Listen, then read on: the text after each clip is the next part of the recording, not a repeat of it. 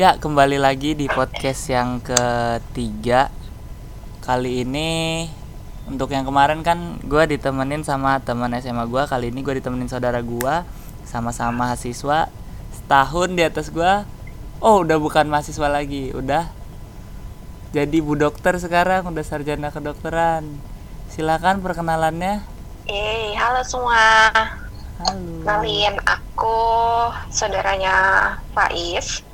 Saudara Mas Faiz. Ya, sekarang kita sama-sama kuliah di daerah yang sama, cuma beda universitas. Terus apa lagi ya? Namanya belum loh.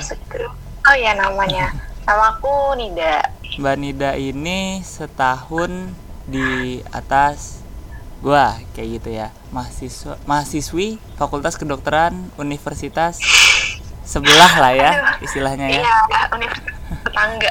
iya masih di lingkup daerah yang sama sama-sama di daerah Ngapak tapi emang tempat untuk menimba ilmunya kita masih berbeda karena bahkan jurusannya pun berbeda gitu ya Mbak ya Iya, di betul. sini pasti udah paham lah ya dari mungkin nanti baca judul sama eh, dari openingnya udah ketahuan kan ngebahas mahasiswa mahasiswi daerah mana daerah mana berarti topik yang akan kita bahas kali ini tentang kehidupan kampus nih teman-teman. Habis itu kita langsung ke yang pertama aja kali ya mbak ya. Kita mau nyeritain Oke, boleh.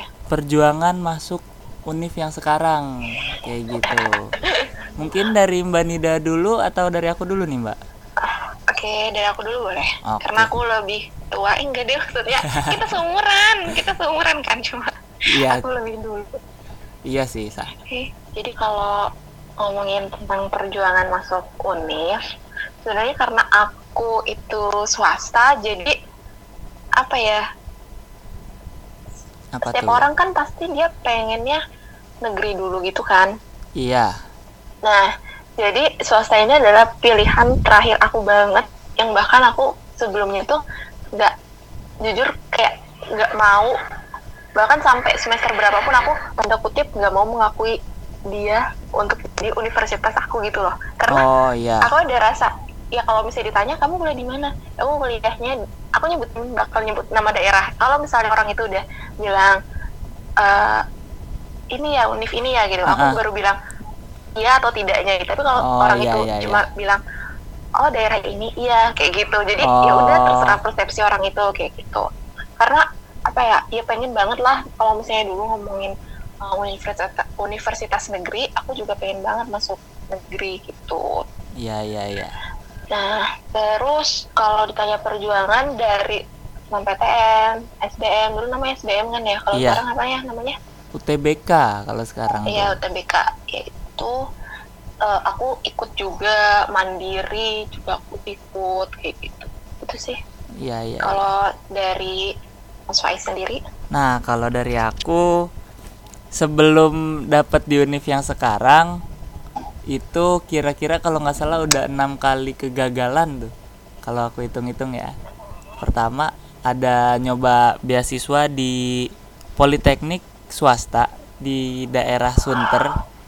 Itu nyoba dari bulan Desember udah ikut sampai tahap 1 seleksi berkas tahap 2 seleksi apa seleksi apa sih itu namanya? Tulis lolos tahap 3 wawancara nah di situ nggak lolos habis itu nyoba lagi. Ini beasiswa online gitu. Kayak ya daftar online terus di ada ujiannya online. Iseng-iseng aja teman-teman nyoba ya. Ya ada kesempatan masa nggak aku coba gitu kan. Ya udah akhirnya aku coba di situ.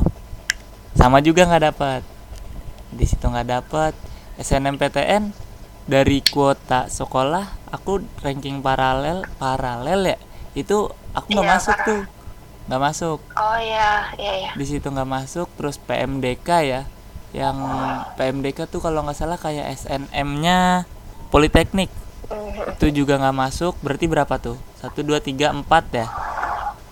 Empat. Terus nyoba kedinasan aku daftar di STTD yang pas pembukaan bareng sama stan tuh pendaftarannya aku juga nggak masuk mbak karena ternyata itu pola pembibitan. Sedangkan Kabupaten Bogor nggak ada kerjasama. Jadi belum apa-apa baru daftar bayar besoknya langsung dinyatakan gugur kayak gitu.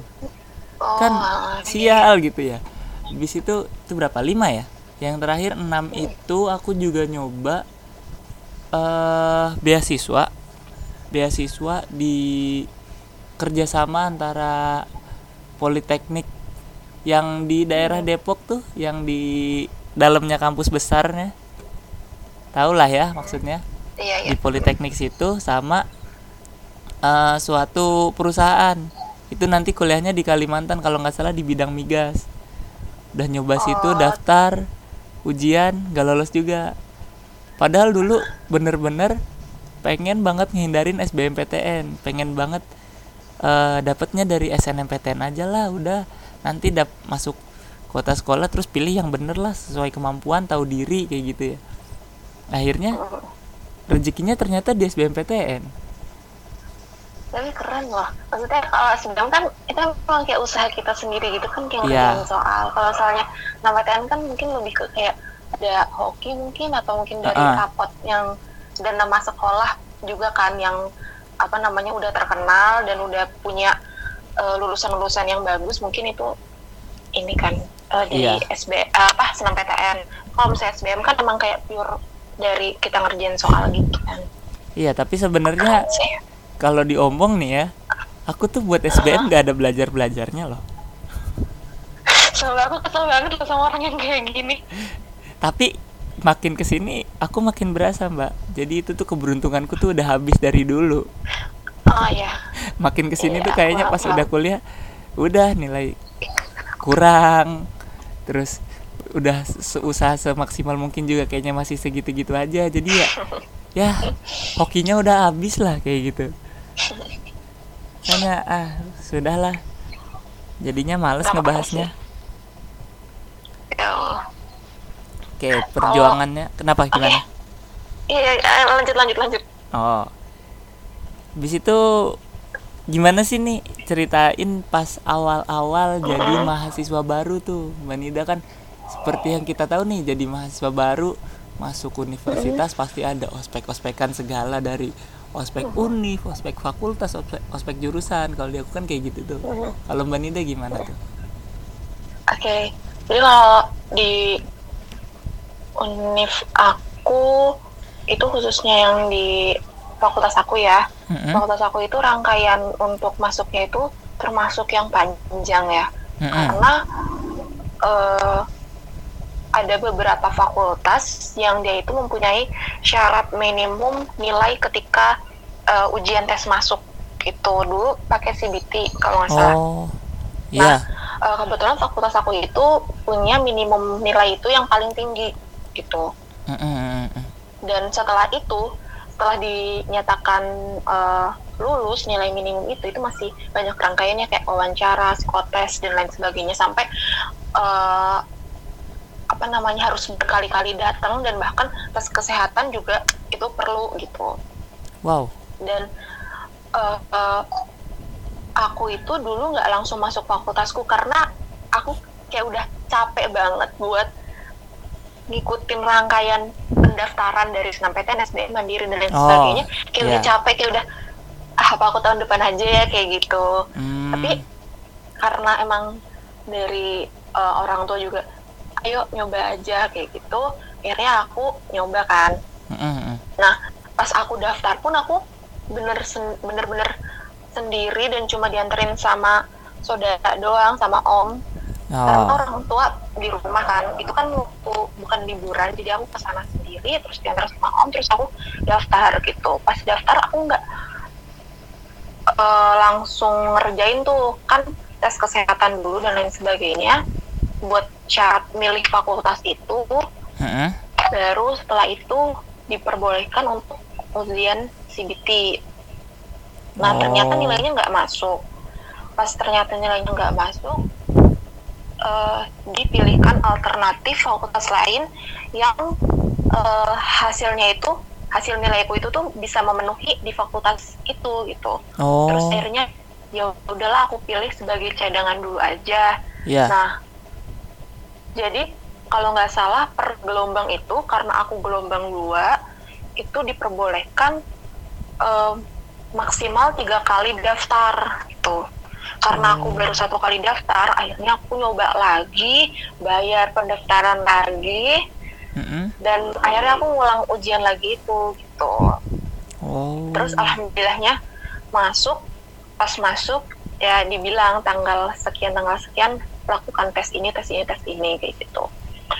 Terus karena aku swasta jadi Mm-mm. mungkin bayarannya lebih tinggi kan. Iya. Lebih tinggi dan fakultasku juga bayarannya paling tinggi di antara fakultas yang lainnya kayak gitu.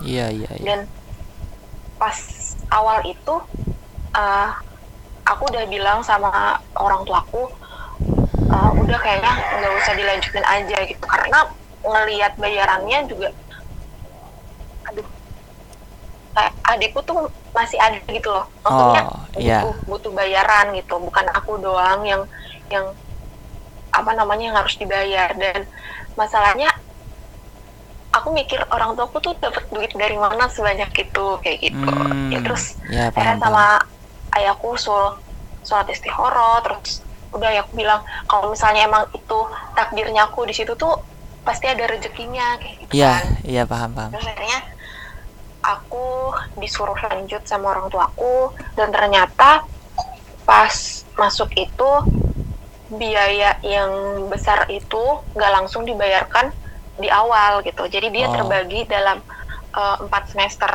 oh jadi kayak gitu Di jadi eh, bertahap emang gitu ya? sistemnya mm, mm, mm. emang udah sistemnya dia terbagi empat eh, semester kayak gitu ya udah akhirnya aku daftar eh, lanjut. Ketika wawancara terus eh, psikotes dan tes kesehatan itu kan kita dikumpulin tuh per gelombang. Di tanggal yang sama kita suruh datang lagi ke situ.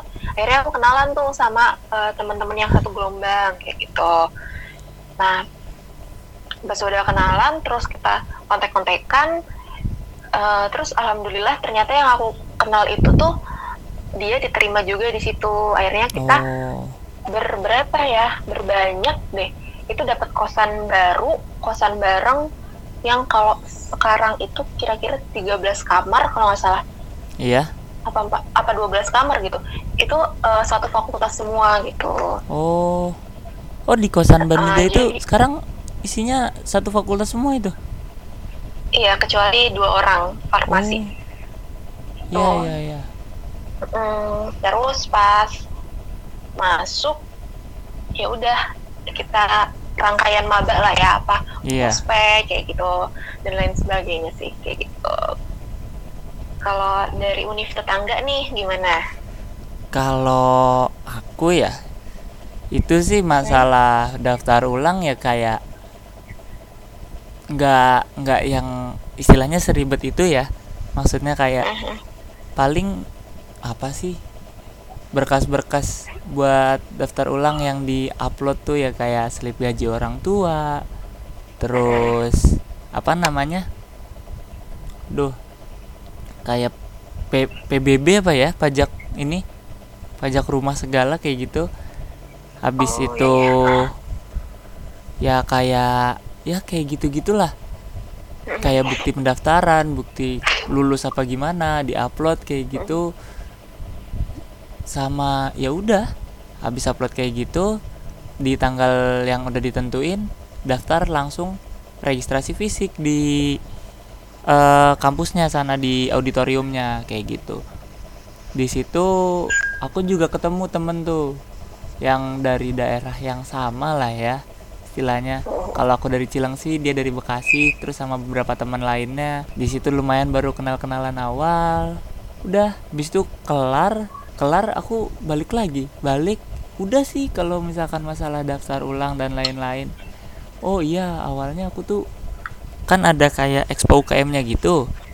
Nah tadinya aku pengen ikut UKM yang di pusat. Kebetulan nih ya buat teman-teman sekedar informasi fakultas fakultas gua tuh misah sendiri. Jadi istilahnya yang lainnya kalau dibilang di tanah ngapaknya tuh di kota Purwokerto. Nah untuk fakultas gua fakultas teknik itu misah sendiri di Kabupaten Purbalingga. Jadi eh, kalau misalkan ya mungkin ini cluenya udah jelas banget kali ya. Kalau misalkan teman-teman ada yang tahu. Apa gitu ya? Iya. Ya intinya kayak gitu biasanya. Ya Iya. kalau jadi awalnya tuh pengen ikut eh, UKM yang di pusat. Awalnya tertarik tuh tapi Oh, akhirnya ternyata setelah dijalanin awal tuh ada kayak kegiatan yang ospek unif gitu ya. Ospek unif gitu yang ya tiga hari di sana. Dulu tinggal di rumah eyang kan masih di Purbalingga jadi bolak-balik. Kok capek juga gitu ya. Jadinya ya udahlah nyerah aja nggak jadi diurungkan gitu niatnya. Habis itu ada ospek unif eh, setelah ospek unif ada tiga hari juga kalau nggak salah rangkaian kegiatan di fakultas yang ngadain dari bem fakultasnya kegiatan bla bla bla ini. Itu habis itu selanjutnya ya udah mulai masuk kuliah biasa dan masuk ke bagian ospek jurusan nih pas maba ospek jurusan ya teknik seperti yang kita tahu kayak gitu ya.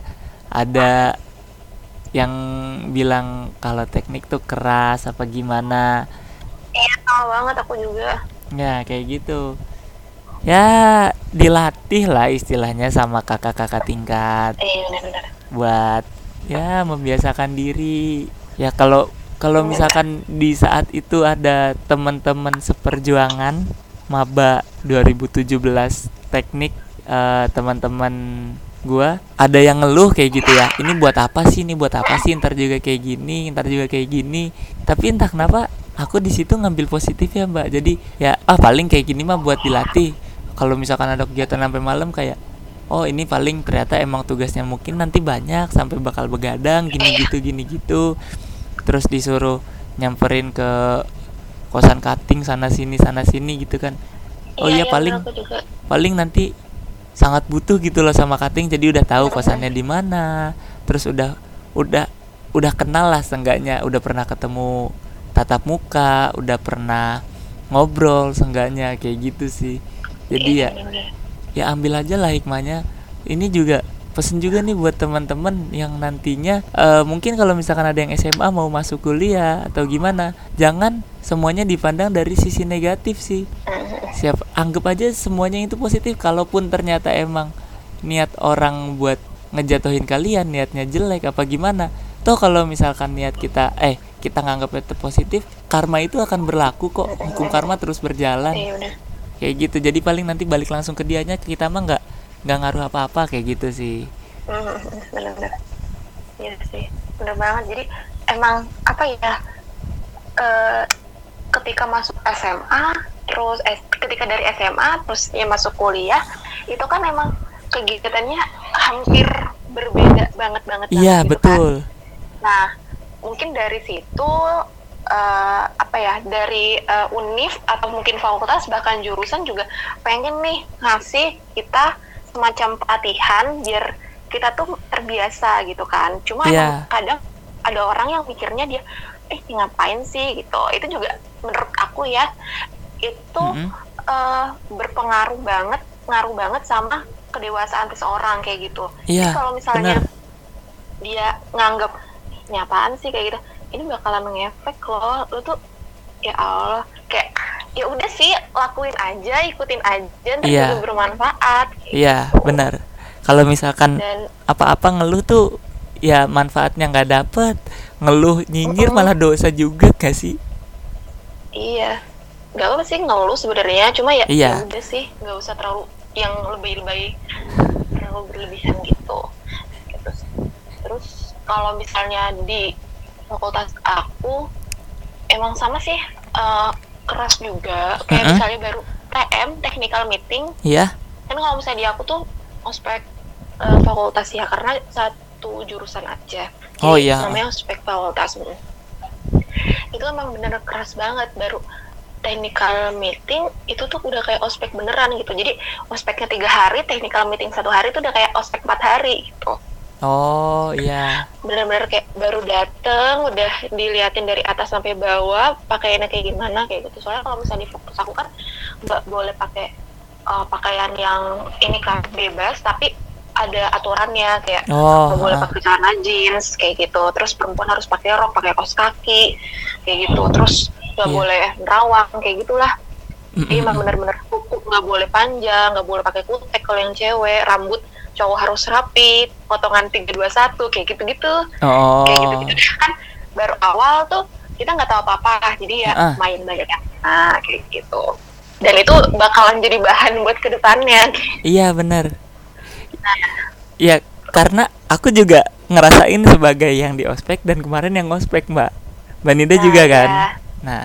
Iya aku juga pernah tuh ngospek. Iya.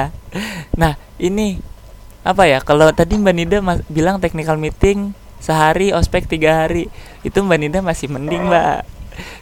Diriku ini bisa dibilang technical meeting sehari. Oke, technical meeting bahas tatip segala segala segala macem gitu kan.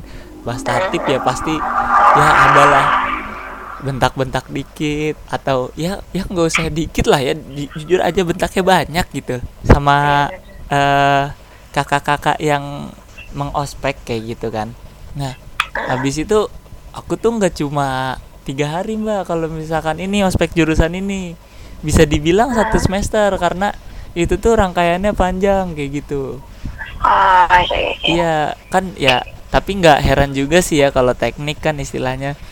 Jadi ya udahlah anggap aja emang emang dibutuhin kayak gitu. Dari ada kegiatan yang dikasih materi kayak gitu di kelas. Habis Iya, itu bener-bener. terus suruh bikin acara. Terus apa lagi ya? Makrabnya juga ada tuh. Ada makrab juga kan Banida? oh iya iya ada ada Iya ada makrab sampai terakhir tuh di akhir semester 1 itu ada bisa dibilang kalau misalkan bahasa yang paling akrabnya gitu ya yang paling banyak disebut sih musyawarah anggota kayak gitu tapi kalau di jurusan aku nih rapat umum anggota jadi itu tuh yang ngebahas mulai dari eh, LPJ-an terus bahas ADART dan lain sebagainya kayak gitu mbak Mhm, ada kan pasti mhm. iya ada ada ada Iya, ya. Jadi ya belum dianggap sebagai anggota, masih sebagai calon anggota kalau misalkan belum menyelesaikan sampai yang terakhir itu. ah iya iya Nah, Kayak gitu. bener banget Tadi udah sedikit spoiler kan udah apa namanya? Pernah ngospek juga, berarti pengalaman yang ngospek nih pengalaman jadi cutting gimana nih Mbak Nida sampai saat ini? aduh pengalaman jadi cutting kalau dibilang cutting aku ya masih banyak ininya lah eh, kurangnya jadi Heeh. eh aku itu pas masuk tahun kedua itu Mm-mm. ikut organisasi BEM Oh iya Ah. iya. Uh, organisasi BEM dan lain sebagainya anak di bawah BEM kan itu banyak banget kayak apa ya namanya komunitas. Nah ya, komunitas itu ada juga ikut juga gitu. Cuma si eh, induknya ini aku juga ikutan gitu. Iya iya.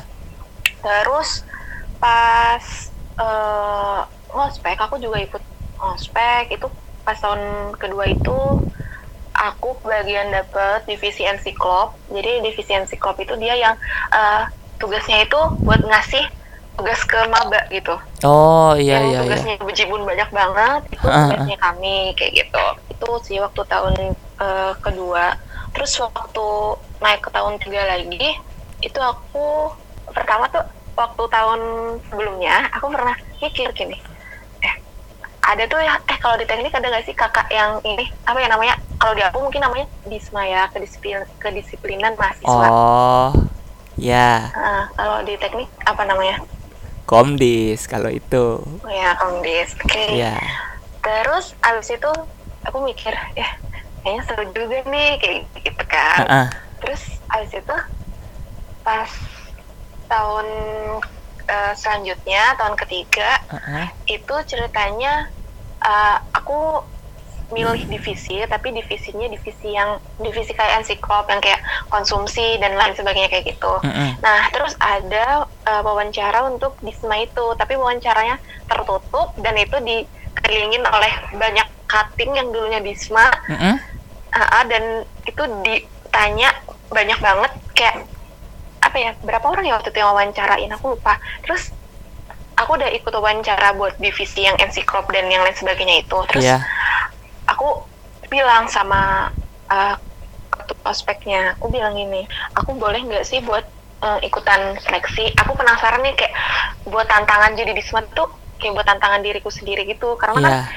yang sebelumnya eh, mungkin kita di luar kayak ya udah biasa aja kita mungkin eh, cuek sama orang kayak gitu kan.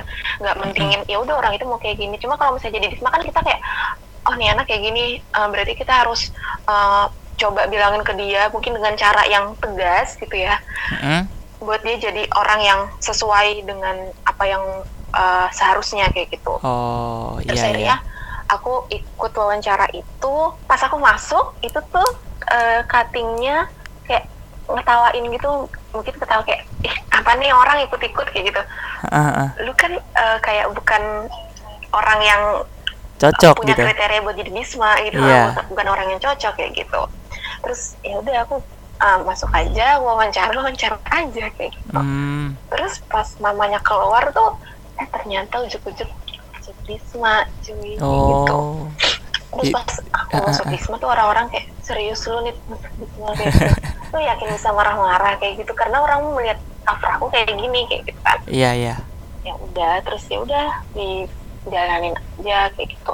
Terus kalau misalnya di fakultasku eh, kan dia ospek 3 plus 1 TM itu kan. Iya.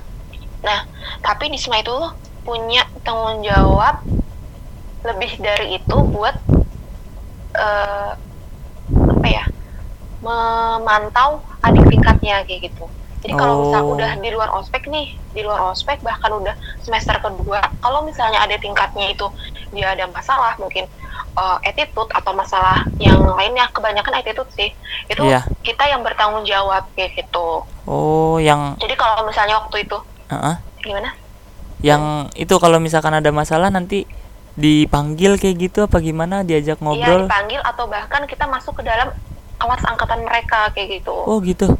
Kayak gitu. keren Jadi juga. pas ketika kita masuk eh, pas aku masuk itu ditanya eh pas aku wawancara itu ditanya sama eh, cutting yang sebelumnya di SMA, kamu yakin mau masuk di SMA gitu? Tanggung jawabmu itu berapa hari, berapa lama, bahkan berapa tahun ke adik tingkatmu itu? Kamu yakin bahkan eh, akan istilahnya mengemban amanah selama itu kayak gitu?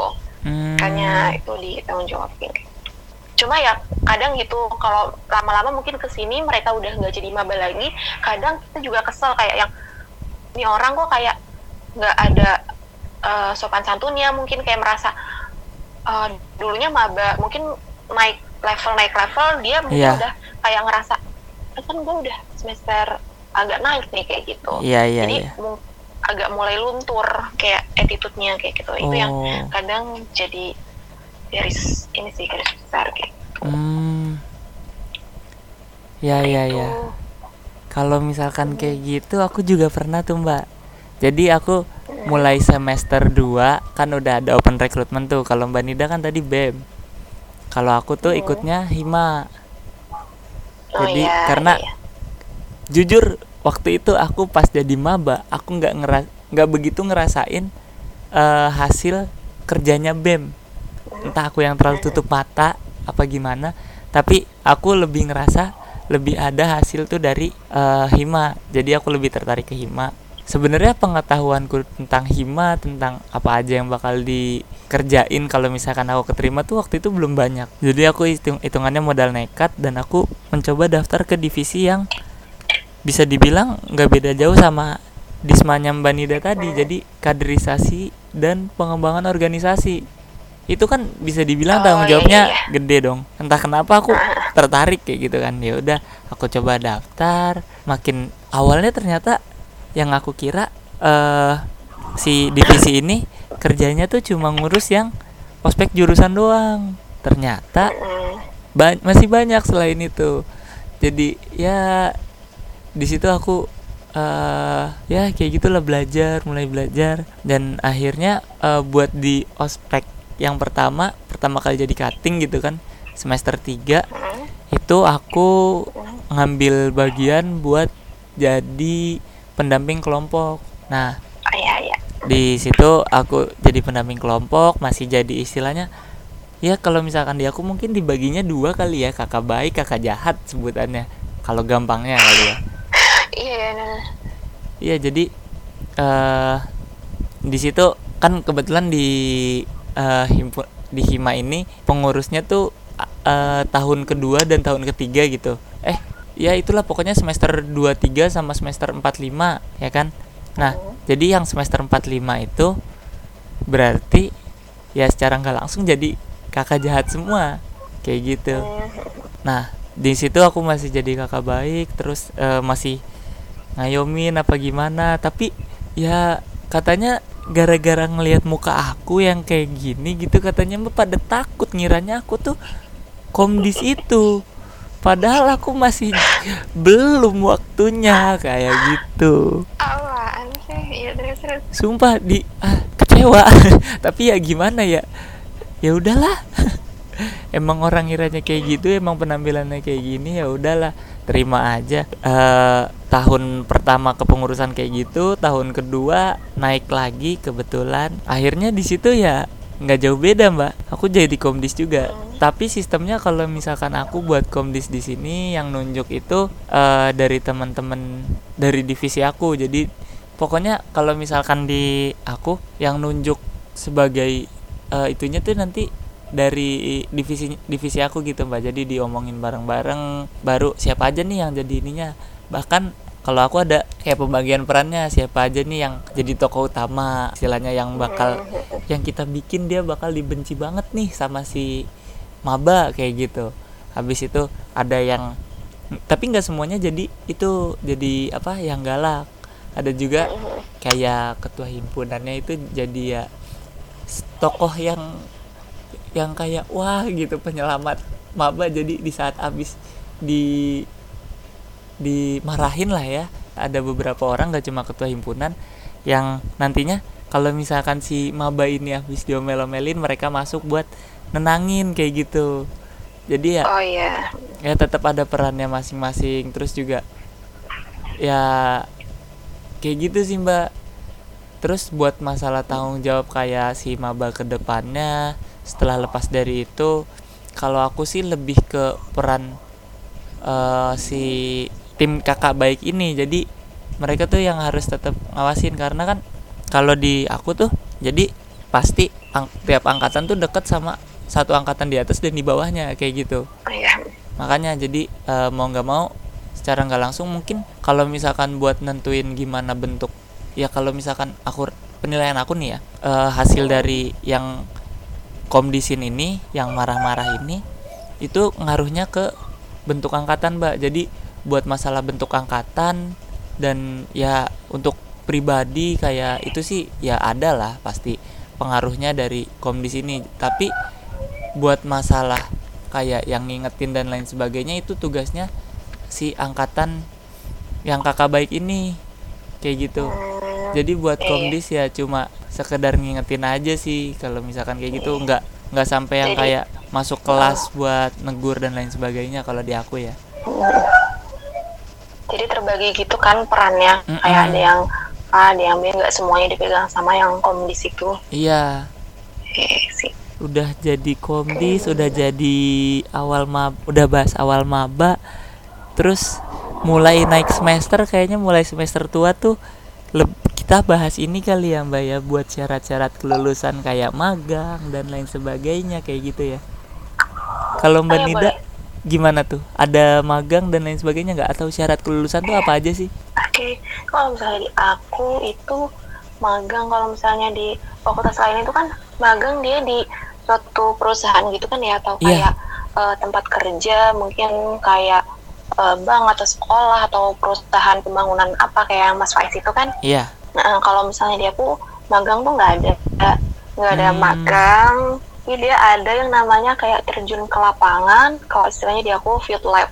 Jadi kayak oh uh, kita ke puskesmas gitu terus tergantung kita di semester itu lagi belajar tentang topik apa gitu nanti kita Oh, iya, iya. cari uh-uh, kita perdalam si kasus itu di uh, puskesmas itu biasanya sih sekitar seminggu per semesternya ya seminggu per semester terus nanti bikin laporan juga sama itu sih tapi kalau misalnya itu biasanya buat uh, lulus per semester oh gitu. iya iya iya Terus kalau misal buat kelulusan yang emang lulus gitu, Ha-ha. itu ya paling sama sih kayak yang lain skripsi. Ha-ha. Itu skripsi harus benar-benar selesai.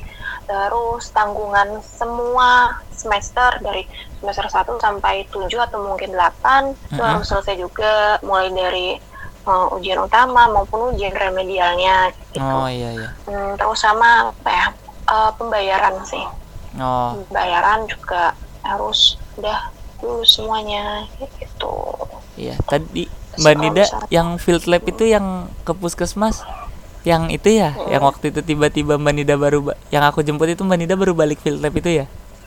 Iya iya itu itu aku baru balik baru pulang sore iya sih itu Iya. banget jadi kalau misal tapi tergantung ini sih fakultas dan universitasnya kadang kalau misalnya fakultas sama universitasnya beda itu kadang ada yang dia lab kunjungan ke lapangannya baru semester akhir gitu jadi Hmm. dipadetin di semester akhirnya kayak gitu Iya, cuma iya. kalau misalnya di fakultas aku itu dia per semester tergantung topiknya gitu Oke, dan oke. jam pulangnya juga ikut eh, puskesmas Oh. kalau misalnya udah ada yang kayak abis eh, zuhur itu boleh pulang kadang ada yang nanti tunggu sama karyawannya pulang kayak gitu Mm-mm. cuma kalau misalnya yang terberat itu pas ketika semester berapa ya oh 6 apa ya kalau nggak salah itu ada topik tentang obstetri dan ginekologi di bagian ponek atau poli kandungan Heeh. yang di bagian eh, tentang ibu melahirkan kayak gitu Oh.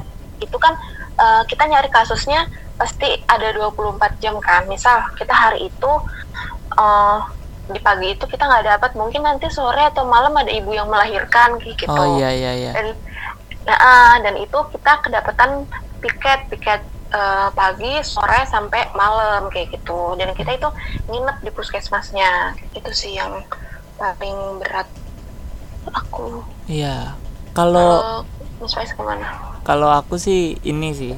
Ya sebenarnya nggak beda jauh makanya tadi aku sebut magang dan lain-lain. Kalau aku buat syarat kelulusan tuh eh, ada tiga. Jadi maksudnya yang yang utamanya ya selain eh, kayak matkul SKS dan lain-lain itu loh. Ya kayak magang. Magang itu kalau di aku sebutnya KP kerja praktek. Habis itu tentunya ada KKN ya kan? Sama yang jelas terakhir tugas akhir. Tugas akhir ya skripsi kayak gitu ya kalau magang sendiri aku kan kemarin juga udah tuh. Udah yang kemarin eh, aku di daerah Jakarta Selatan di daerah Lenteng Agung ada proyek pembangunan kayak gitu. Jadi aku magang di situ sesuai ya ketentuan yang ada dari jurusan bla bla bla kelar. Nah buat KKN ini nih sekarang yang aku bingung. KKN dengan kondisi yang kayak gini aku terpaksa eh dibilang terpaksa apa? Ya terpaksa sih Deng terpaksa karena kondisi jadinya ya ya mengikuti mau ngejar cepet kan sebenarnya KKN tuh. Kalau di aku kan normalnya pas mau masuk ke semester 7 eh enggak semester 8 iya pas mau di semester 7 ke 8 di Januari itu normalnya. Jadi aku pengen ngambil lebih cepet. Nah sedangkan kondisinya yang kayak gini jadinya ya ya KKN tuh sekarang diubah aturannya. Kalau yang dulu kan kayak ke desa-desa Mbak Nida juga KKN-nya kayak gitu kan Mbak ya Iya, iya, ah, benar-benar. Nah, kalau aku sekarang kayak ya buat ya siaga COVID-19 ini jadi bisa ikut ke posko Satgas dan lain sebagainya buat bantu-bantu Hmm, bahkan kayak ngajarin anak-anak sekolah yang terpaksa harus diliburin atau mungkin eh sek- ya sebenarnya bentuknya banyak sih kalau dari univ aku Mbak buat KKN yang sekarang ini. Kalau buat TA kan aku belum ya. Kalau Mbak Nida buat KKN sama TA skripsinya tuh mungkin gimana tuh? ya. Oh ya, aku mau nambahin dikit. Jadi kalau misalnya tadi itu eh, syarat kelulusan buat di fakultas aku buat yudisiumnya gitu. Tapi kalau misalnya syarat buat di lulus di universitasnya itu sama sih, kayak harus ikut KKN, terus ospek semua itu harus ikut dan ada sertifikatnya, terus Oh, kita ngupload iya. di sistemnya universitas gitu. Iya iya iya. uh, ospek, sertifikat ospek semua, terus sertifikat KKN. Oh iya, sama satu lagi, karena aku swasta dan berlabel agama, Oh. jadi aku ah. itu ada, uh, jadi aku itu ada syarat kelulusan yang namanya harus lulus ngaji. nggak apa-apa biar Nah, barokah ya kan Nah, ya amin ya Allah. Jadi eh, harus kita harus punya syahadah atau sertifikat Heeh. dari pihak eh, LPPI-nya atau lembaga yang emang khusus megang eh, keagamaan itu kita harus sudah lulus baca tulis Al-Quran kayak gitu Hmm. kalau misalnya belum lulus itu sebelumnya nggak boleh ikut KKN gitu jadi oh iya iya iya ketika dia mau KKN dia harus lulus baca tulis Al-Quran dulu kayak gitu Biar Terus, ini kali ya. eh, gimana biar kalau KKN kan pas Mbak Nida itu kan Iya, masih di des- desa-desa nggak tahu apa-apa kayak Iya, cerita iya, KKN bener. desa penari yang Ah, yang kita berhubungan dengan dunia lain biar bisa nang- nanganin sendiri gitu kali ya iya iya nggak malu-maluin iya gitu. Iya. gimana tadi Mbak terus ya kalau misalnya buat eh KKN-nya Heeh. itu dia kita daftar Ta- terus ada syarat-syarat buat ikut KKN-nya juga. Kayak misal dia harus udah kena berapa SKS ada syarat minimalnya terus harus udah semester berapanya juga terus sudah harus lulus ngaji dan lainnya. Terus juga ya pastinya pembayaran kayak gitu. Iya terus iya. nanti kalau misalnya di aku itu tuh kita nggak milih daerah gitu jadi Oh. kita yang di mm, cup-cupin daerah gitu loh. Oh jadi, ditempatin ya gitu ya? untung-untungan aja mm, untung-untungan aja gitu. Terus juga kalau di aku itu KKN-nya dalam satu tahun dia terbagi jadi dua gelombang gitu. Oh iya. Jadi gelombang yang pertama itu dia mau masuk semester 7 kalau gelombang yang dua dia mau masuk semester 8 iya sama sih sebenarnya. Mm, mm, mm. Terus kalau misalnya yang buat semester 7, biasanya temen eh teman-teman eh, orang-orang di kampusku itu bilangnya adalah KKN anak-anak baik gitu. Karena istilahnya dia yang eh, pengen cepet-cepet lulus, iya jadi dia ikut KKN duluan nih dan Iya, iya, udah iya. memenuhi syarat-syarat persyaratan buat KKN gitu. Jadi Mm-mm. bilangnya KKN anak-anak baik. Jadi kalau misalnya yang eh, gelombang dua itu kan sisa-sisaan dari yang gak kedapatan gelombang satu tuh. Heeh. Nah, misalnya itu bilangnya ya itulah anak-anak yang kurang kali eh, ya belum baik ya gitu. iya Tuh, jadi kocok eh kocok-kocokan. Ya sedapatnya daerahnya mana Hmm. aja gitu. Terus kalau misalnya eh, buat kelompoknya kalau misalnya karena di kampusku itu fakultasku perangkatannya eh, nggak sebanyak teman-teman di fakultas lain. Jadi per kelompok itu fakultasku itu cuma satu orang gitu. Oh iya iya iya. Jadi nggak nggak bakal lebih dari satu orang itu tuh Mm-mm. ya udah terus sudah dapat kelompok eh, terus ada pembekalan. Jadi pas ketika pembekalan kita juga ketemu sama teman-teman eh, dari kelompok kita sendiri Mm-mm. gitu. Terus udah. Jadi nanti kita apa namanya eh, saling diskusi. Terus nanti juga kita survei ke desa itu. Iya iya. Nanti hmm, kayak gitu sih sistemnya. Terus ngerjain suatu program kerja yang apa namanya ada program kerja kelompok sama program kerja individu gitu. Oh uh, uh, uh. Hmm, terus juga kebetulan waktu aku KKN itu di desaku itu ada KKN dari universitas tetangga juga. universitasku bukan Iya itu. oh Jadi kalau misal kalau nggak salah di kecamatanku itu ada 13 desa Heeh. kalau nggak salah dan itu semua per desa itu ketempatan sama universitasnya Mas Faiz tapi oh kalau universitasku itu hanya ketempatan tujuh desa kalau nggak salah di kecamatan itu gitu. dan kebetulan salah satunya ada di desaku terus kita sharing-sharing gitu dan kalau misalnya di universitasku itu kan dia kakaknya ada program kerja yang kelompok tanggung jawab Mhm. kelompok sama individu Mm-mm. kalau individu itu dia sesuai bidangnya. Contoh Oh, kalau misalnya iya, iya. aku itu kan kesehatan, ya kita bikin program kerja yang eh, latar belakangnya kesehatan. Mungkin kalau misalnya yang klasik itu ke anak-anak SD ngajarin tentang jadi dokter cilik, terus oh, juga iya. penyuluhan-penyuluhan itu yang kayak gitu itu banyak yang kayak gitu. Nah, tapi kalau misalnya di Universitas Mas Faiz itu katanya dia kan per kelompok ya. Mm-mm. Uh, dia tanggung jawabnya ke kelompok tapi itu banyak juga gitu itu sih yang paling bedain oh ya terus sama satu lagi kalau misalnya di aku itu dia KKN-nya ada wajib banget buat ikut sholat subuh berjamaah. Wah keren. Gitu.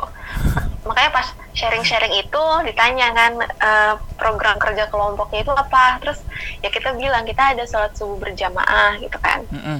terus sholat subuh berjamaah dan itu wajib difoto buat dikirimin ke ke eh, DPR-nya oh iya. Ah, D- iya DPR DPR Ah, buat ah. ke DPR-nya buat ke DPR-nya jadi kalau misalnya nggak ngirim itu udah bisa dapet sanksi kayak gitu terus mereka mereka ketawa gitu terus mereka bilang e, orang kita aja bangun suka-suka kita kayak gitu Terus Iya, kayak, iya.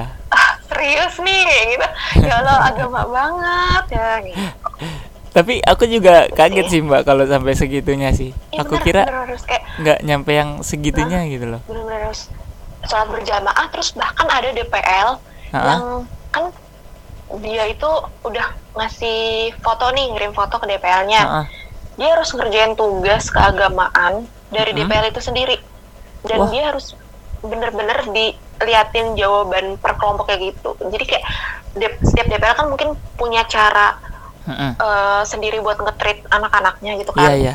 dan mungkin untuk menghindari eh, dalam tanda kutip penipuan foto itu Ha-ha. mungkin DPL itu mungkin eh, punya cara tersendiri kayak gitu kadang kan Oh. ada lah ya cara-cara pinter anak mahasiswa buat Iya iya. ya udah santai aja sih KKN kayak gitu kan santai aja KKN ini bisa diakalin bisa diakalin kayak gitu buat menghindarin kayak gitu terus ada juga DPL yang emang santai udah kamu mau foto masjidnya mau foto jalanannya mau foto apanya juga boleh asal ngirim tepat waktu kayak gitu nggak Oh. harus muka gitu Iya iya. jadi iya. tergantung DPL-nya sih sih kayak gitu Aku tuh sebenarnya pengen Gitu tahu deh KKN yang kayak gitu mbak. Sumpah. Ini Kamu makanya ikut tahun depannya lagi kan ya nggak gitu juga tapi mbak kan ada lumayan jatah SKS-nya 3 SKS. iya bener-bener iya sama Iya, aduh, sebenarnya pengen tuh ikut yang kayak gitu kan. Nanti jadinya ada cerita.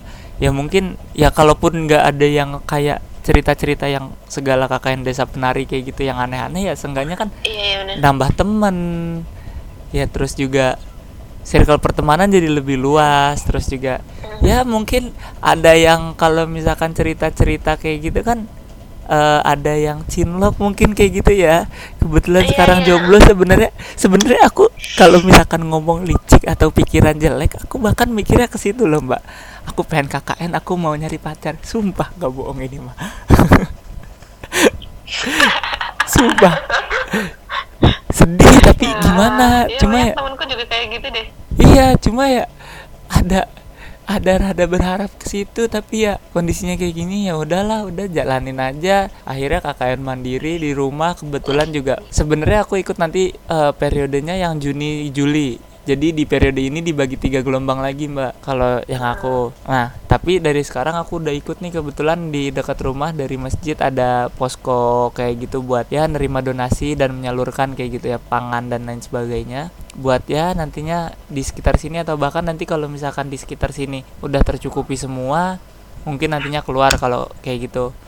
Nah mungkin teman-teman di sini bisa juga kalau misalkan ada yang mau donasi eh, bisa dalam bentuk uang ada bisa transfer juga lihat di IG di IG aja. IG ada di deskripsi podcast ini.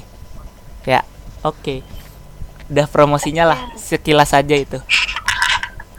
Nah tadi kan aku juga ngomong nih mbak. KKN tuh bisa buat nambah circle pertemanan juga. Nah kan. Banyak juga nih eh, cerita-cerita dari teman-teman mahasiswa entah dari teman-temanku dari pengalamanku juga atau baca-baca di ya mungkin di best Twitter ya gitu ya. Kalau misalkan circle pertemanan kuliah tuh nggak kayak circle pertemanan SMA atau bahkan bisa jadi eh, circle pertemanan kuliah tuh keras kayak gitu dan lain sebagainya. Kalau menurut Mbak Nida sendiri gimana sih atau circle pertemanan Mbak Nida tuh selama jadi mahasiswi ini eh gimana gitu Itu kalau misalnya ngomongin tentang circle pertemanan nih, Mm-mm. itu balik lagi ke diri kita sendiri ya. Hmm, Kita iya. itu tipe orang yang gimana nih buat eh, berteman.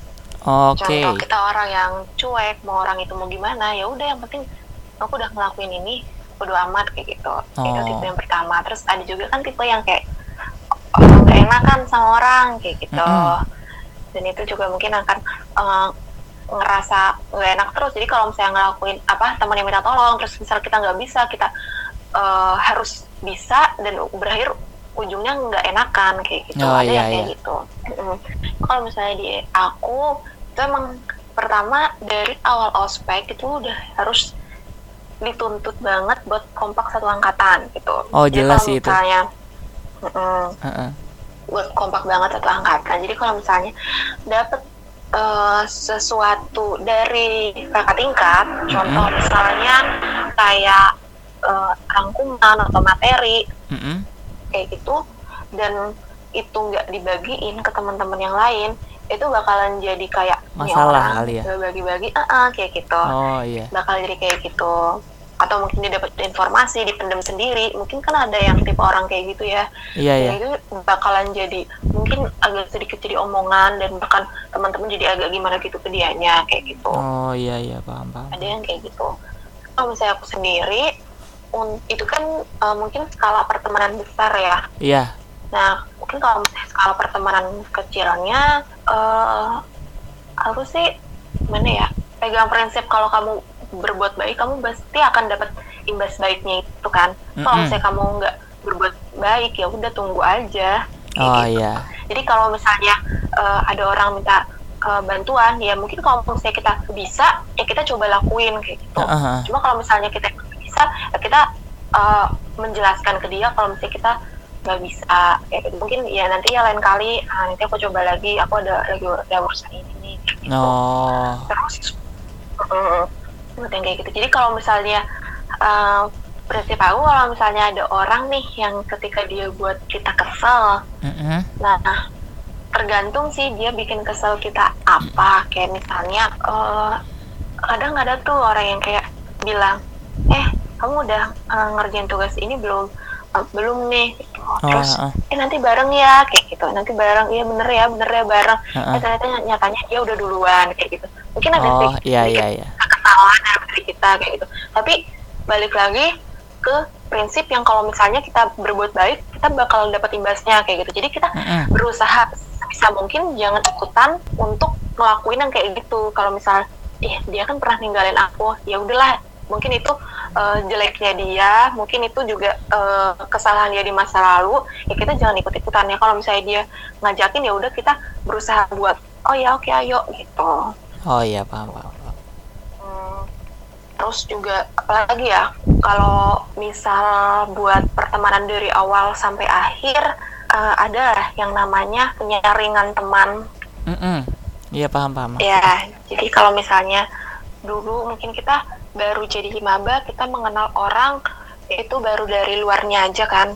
Kayak, ya nama kamu siapa? Kamu tinggal di mana? Dan lain sebagainya. Belum eh, mendalami sampai sifat aslinya gitu. Kalau misalnya kita mungkin intens eh, hampir di kuliah bareng mungkin di kos-kosan bareng Mm-mm. atau mungkin setelah itu makan bareng kita bakal lebih kenal dia kan.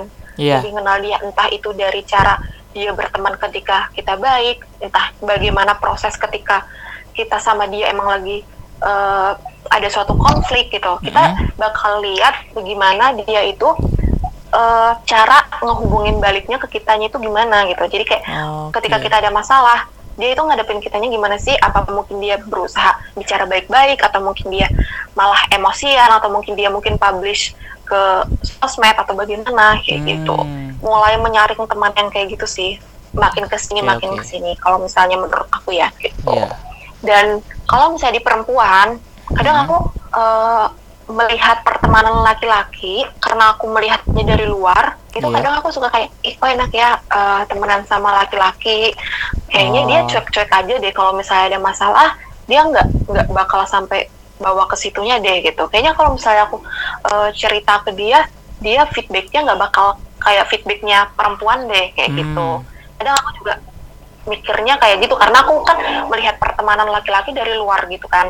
Iya. Karena aku berteman laki-laki juga nggak yang eh, sampai intens banget gitu enggak gitu. Iya iya. Aku berpikir gitu karena kalau misalnya di perempuan kadang ih ada salah dikit dianya kok upper kayak gitu. Ya mungkin seperti itu sih. Iya, sebenarnya kalau misalkan pertemanan laki-laki sih Mbak yang nggak se ya dibilang segitunya, tapi nggak segitunya juga karena sebenarnya balik lagi kalau pertemanan tuh masalah kayak orang ada masalah dikit terus ngambek atau eh, jadi nggak dihubung susah dihubungin, susah dimintain tolong lagi kayak gitu. Sebenarnya itu balik lagi ke orangnya sih. Jadi eh, nggak menutup kemungkinan juga di pertemanan laki-laki ada masalah kecil bisa jadi besar tuh nggak menutup kemungkinan juga kayak gitu tapi mungkin ya di beberapa hal kalau misalkan masalah pertemanan uh, ya seperti yang udah rahasia umum kalau uh, temenan sama laki-laki itu mungkin lebih enak apa gimana? Karena nggak gini nggak gitu nggak gini nggak gitu kadang kan. Ya tapi uh, aku cuma mau bilang nggak sepenuhnya kayak gitu. Kalau misalkan masalah circle pertemanan ya menurutku ya dari oh mungkin pengalamanku deh bukan menurutku. Kalau pengalamanku dari awal pas maba itu tuh bener sih sama kayak mbak Nida pasti dibentuk jadi sebagai dibentuk dari ospek juga sebagai satu angkatan yang utuh harus uh, ya sebisa mungkin semuanya bergerak dalam hitungan angkatan tapi ya nggak bisa dipungkiri pasti nantinya akan terjadi kubu-kubu karena setiap orang nyamannya beda-beda ya kan? Kayak iya, gitu nyamannya dan masuknya obrolan ataupun uh, bercandaan dan lain sebagainya beda-beda. Jadi ya uh, bukan hal yang salah buat nge buat ngedeketin semua golongan itu ya atau semua kelompok atau keseluruhan angkatan tapi uh, dengan kalian tem- berteman sama yang kalian minat atau yang kalian rasa kalian cocok itu itu juga hak kalian kayak gitu. Selama uh, menurutku nih selama uh, di kalau misalkan masalah bahas masalah angkatan ya udah lepas uh, lupain semua itu. Kalau misalkan kalian tuh dari kubu ini kubu ini. Jujur di uh, angkatanku yang teknik yang bisa dibilang kalau orang-orang bilang kan solid kan. Tapi ya sebenarnya ya masih ada kok kubu-kubuan. Uh, karena ya aku nyamannya temenan sama si ini ini ini ini. Paling masuk buat bercandaan obrolan. Uh, mungkin hobinya sama kayak gitu kan. Ya yang lain juga mungkin ada yang uh, pertemanan kubu gitu karena latar belakang daerah asal atau gimana kan. Ya tapi di saat ada acara angkatan kegiatan angkatan ya udah lepasin aja semua itu. Kita sebagai satu angkatan kayak gitu sih kalau aku. Bahkan sebenarnya circle iya. pertemanan di kuliah itu bisa dibilang kejam ya bisa tahu iya sih benar ya kan? Kayak iya, uh, ya mungkin ini pengalamanku juga ya. Tapi buat tem mm-hmm. mungkin nanti kalau ada teman-teman angkatan yang denger apa gimana merasa tersinggung mohon maaf. Ini mah sumpah kalau misalkan gak denger ya ya, ya, ya ini cuma buat sharing doang. Sebisa ya mungkin sekarang udah nggak udah udah nggak masalah sih karena emang sebenarnya nggak nggak perlu dipermasalahin juga. Jadi aku tuh awal sem uh, ada circle pertemanan kayak gitu ada satu circle dari maba sampai mulai masuk semester 2 udah mau masuk semester. Nah mulai masuk semester 2 tuh aku inget Ramadan berarti dua tahun yang lalu ya itu aku mulai coba buat uh, deketin ke teman-teman yang lain. Maksudnya pengen memperluas circle pertemanan gitu loh mbak.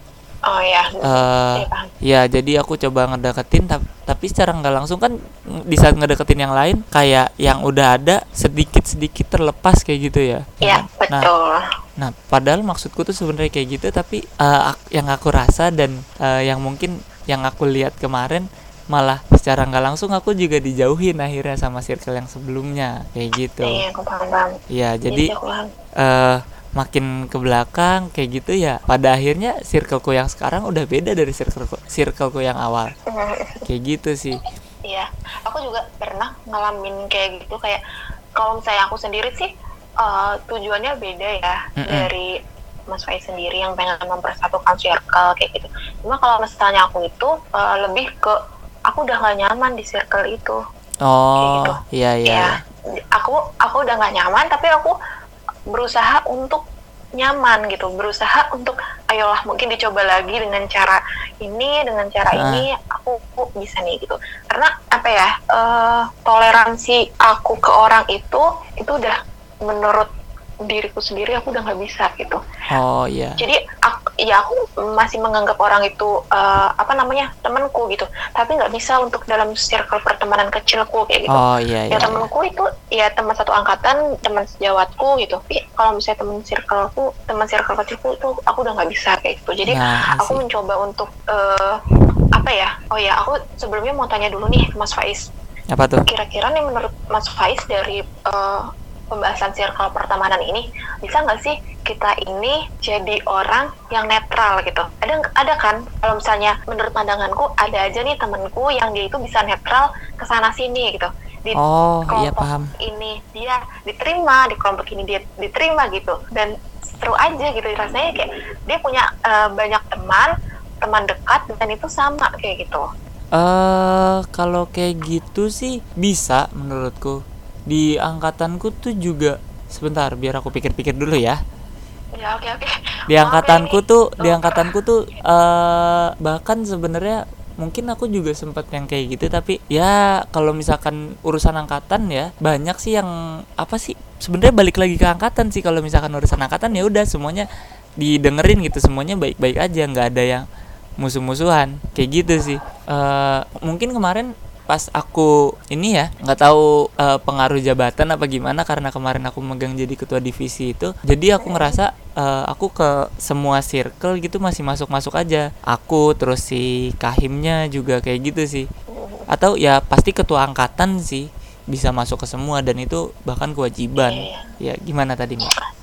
Iya, jadi ya sebenarnya kalau misalnya circle pertemanan itu intinya pada intinya balik lagi ke diri kita sendiri Mm-mm. dan bagaimana kita menyikapi orang lain. gitu. iya Karena kita nggak bisa mengendalikan orang lain harus bersikap gimana kita kan. iya benar Ya, kita berharapnya orang lain eh, bersikap sesuai dengan keinginan kita, tapi karena kita nggak bisa mengendalikan, makanya kita harus mengendalikan diri kita gimana buat bersikap ke orang lain gitu. Iya. Karena yang buat nyaman diri kita ya diri kita sendiri, yang buat bahagia diri kita sendiri gitu kan orang lain juga gak bakal peduli kayak gitu. iya benar-benar Itu deh. Jadi untuk circle pertemanan ini jadi sebenarnya apa ya kita tuh tetap harus milih-milih temen. Maksud Iya, maksud iya. milih-milih di sini karena eh semua orang nggak bisa yang kata Mbak Ninda tadi nggak bisa ngikutin apa yang kita kehendaki tapi kita bisa eh, yang bisa kita atur adalah diri kita sendiri di mana kita nyaman di mana kita ngerasa dihargain mungkin kayak gitu ya Iya, di mana betul. kita rasa toleransinya eh, cukup untuk kita dan di saat eh, semua itu nggak terpenuhi kayak kita nggak nyaman entah toleransinya kurang entah gimana gimana dirasa toksik lingkungan yang toksik itu Hmm. lebih baik ditinggalkan kayak gitu Iya iya betul betul betul banget. karena ya pengaruh pengaruh banget ke kitanya nanti ke depan ya baik baik kehidupan kita ya dalam pertemanan bisa jadi juga pengaruh pengaruh sama kuliah secara nggak langsung kan kuliah juga ngaruh ke masa depan gak sih ya kan Iya iya betul banget. Iya Kayak betul. gitu. Terus juga kalau misalnya apa ya eh, di satu angkatan itu juga tipe orang beda-beda. Terus iya dewasanya juga beda-beda. Kadang kayak kita udah berusaha bersikap dewasa kok itu masih kayak gitu ya kayak iya yang benar.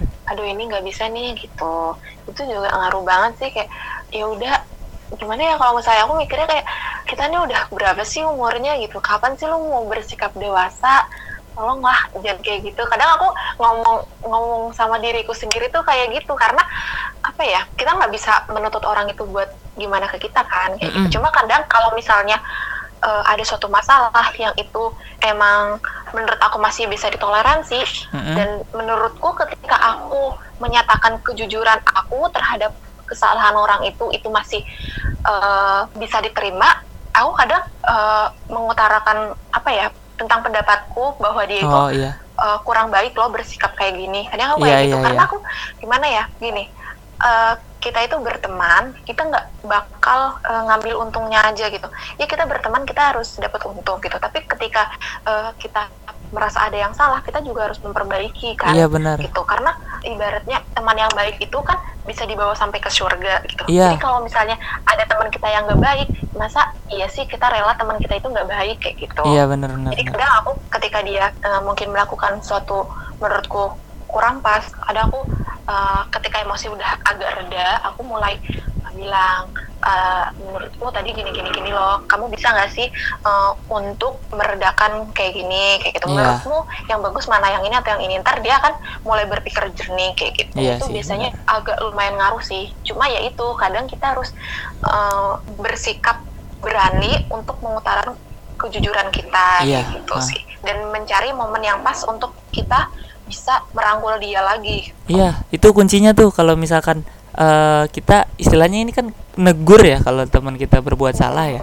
Kalau negur eh, kita negur teman kita yang berbuat salah itu tetap ada adab-adabnya, aturan-aturannya. Ya kayak tadi eh, ngambil momen yang tepat. Kalau misalkan ternyata dia lagi emosi kan, malah nanti kita lagi yang kena. iya bisa diserang balik Iya, udah gitu. eh, kalau misalkan kita mau negur atas kesalahan orang, jangan sampai kita menegurnya di tempat umum Iya, ada iya, baiknya benar. kita saat berdua aja kayak gitu sih ini sih sebenarnya rules rules umum kali ya aturan umum tapi Iya kadang ada yang eh, ada yang suka melupakannya kayak gitu bahkan ya Iya, mungkin di benar. beberapa momen aku sendiri melakukan hal itu kayak gitu Iya iya.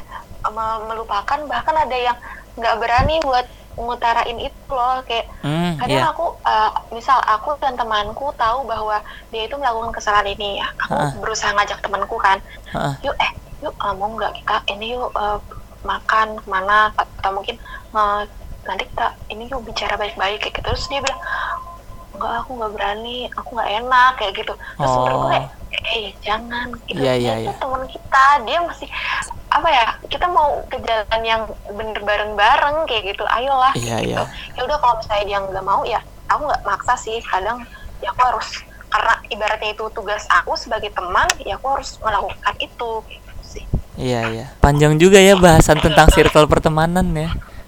karena itu tuh nggak habis-habis Iya Bahasanya sih. tuh nggak habis-habis Atau mungkin next time kita bahas lagi kali ya, Mbak ya bisa kali ya. Iya, boleh boleh Iya khusus untuk circle pertemanan gitu.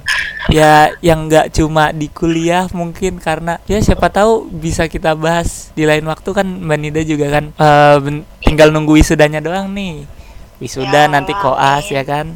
Koas kan nanti eh, circle-nya tentu lebih gede lagi di rumah sakit ya kan. iya benar. lingkungan masyarakat dan lain sebagainya. Bisa bisa sharing lebih lah kayak gitu. Oke mungkin sampai situ aja kali ya pembahasan kita hari ini. Oke. obrolan kita hari ini Eh, udah cukup panjang juga. Takutnya teman-teman bosen mungkin gitu iya ngedengerinnya benar garing apaan sih iya. Ya udahlah ya. Oke cukup. Terima kasih udah nge- terima kasih sudah mendengarkan. See you on next podcast and bye bye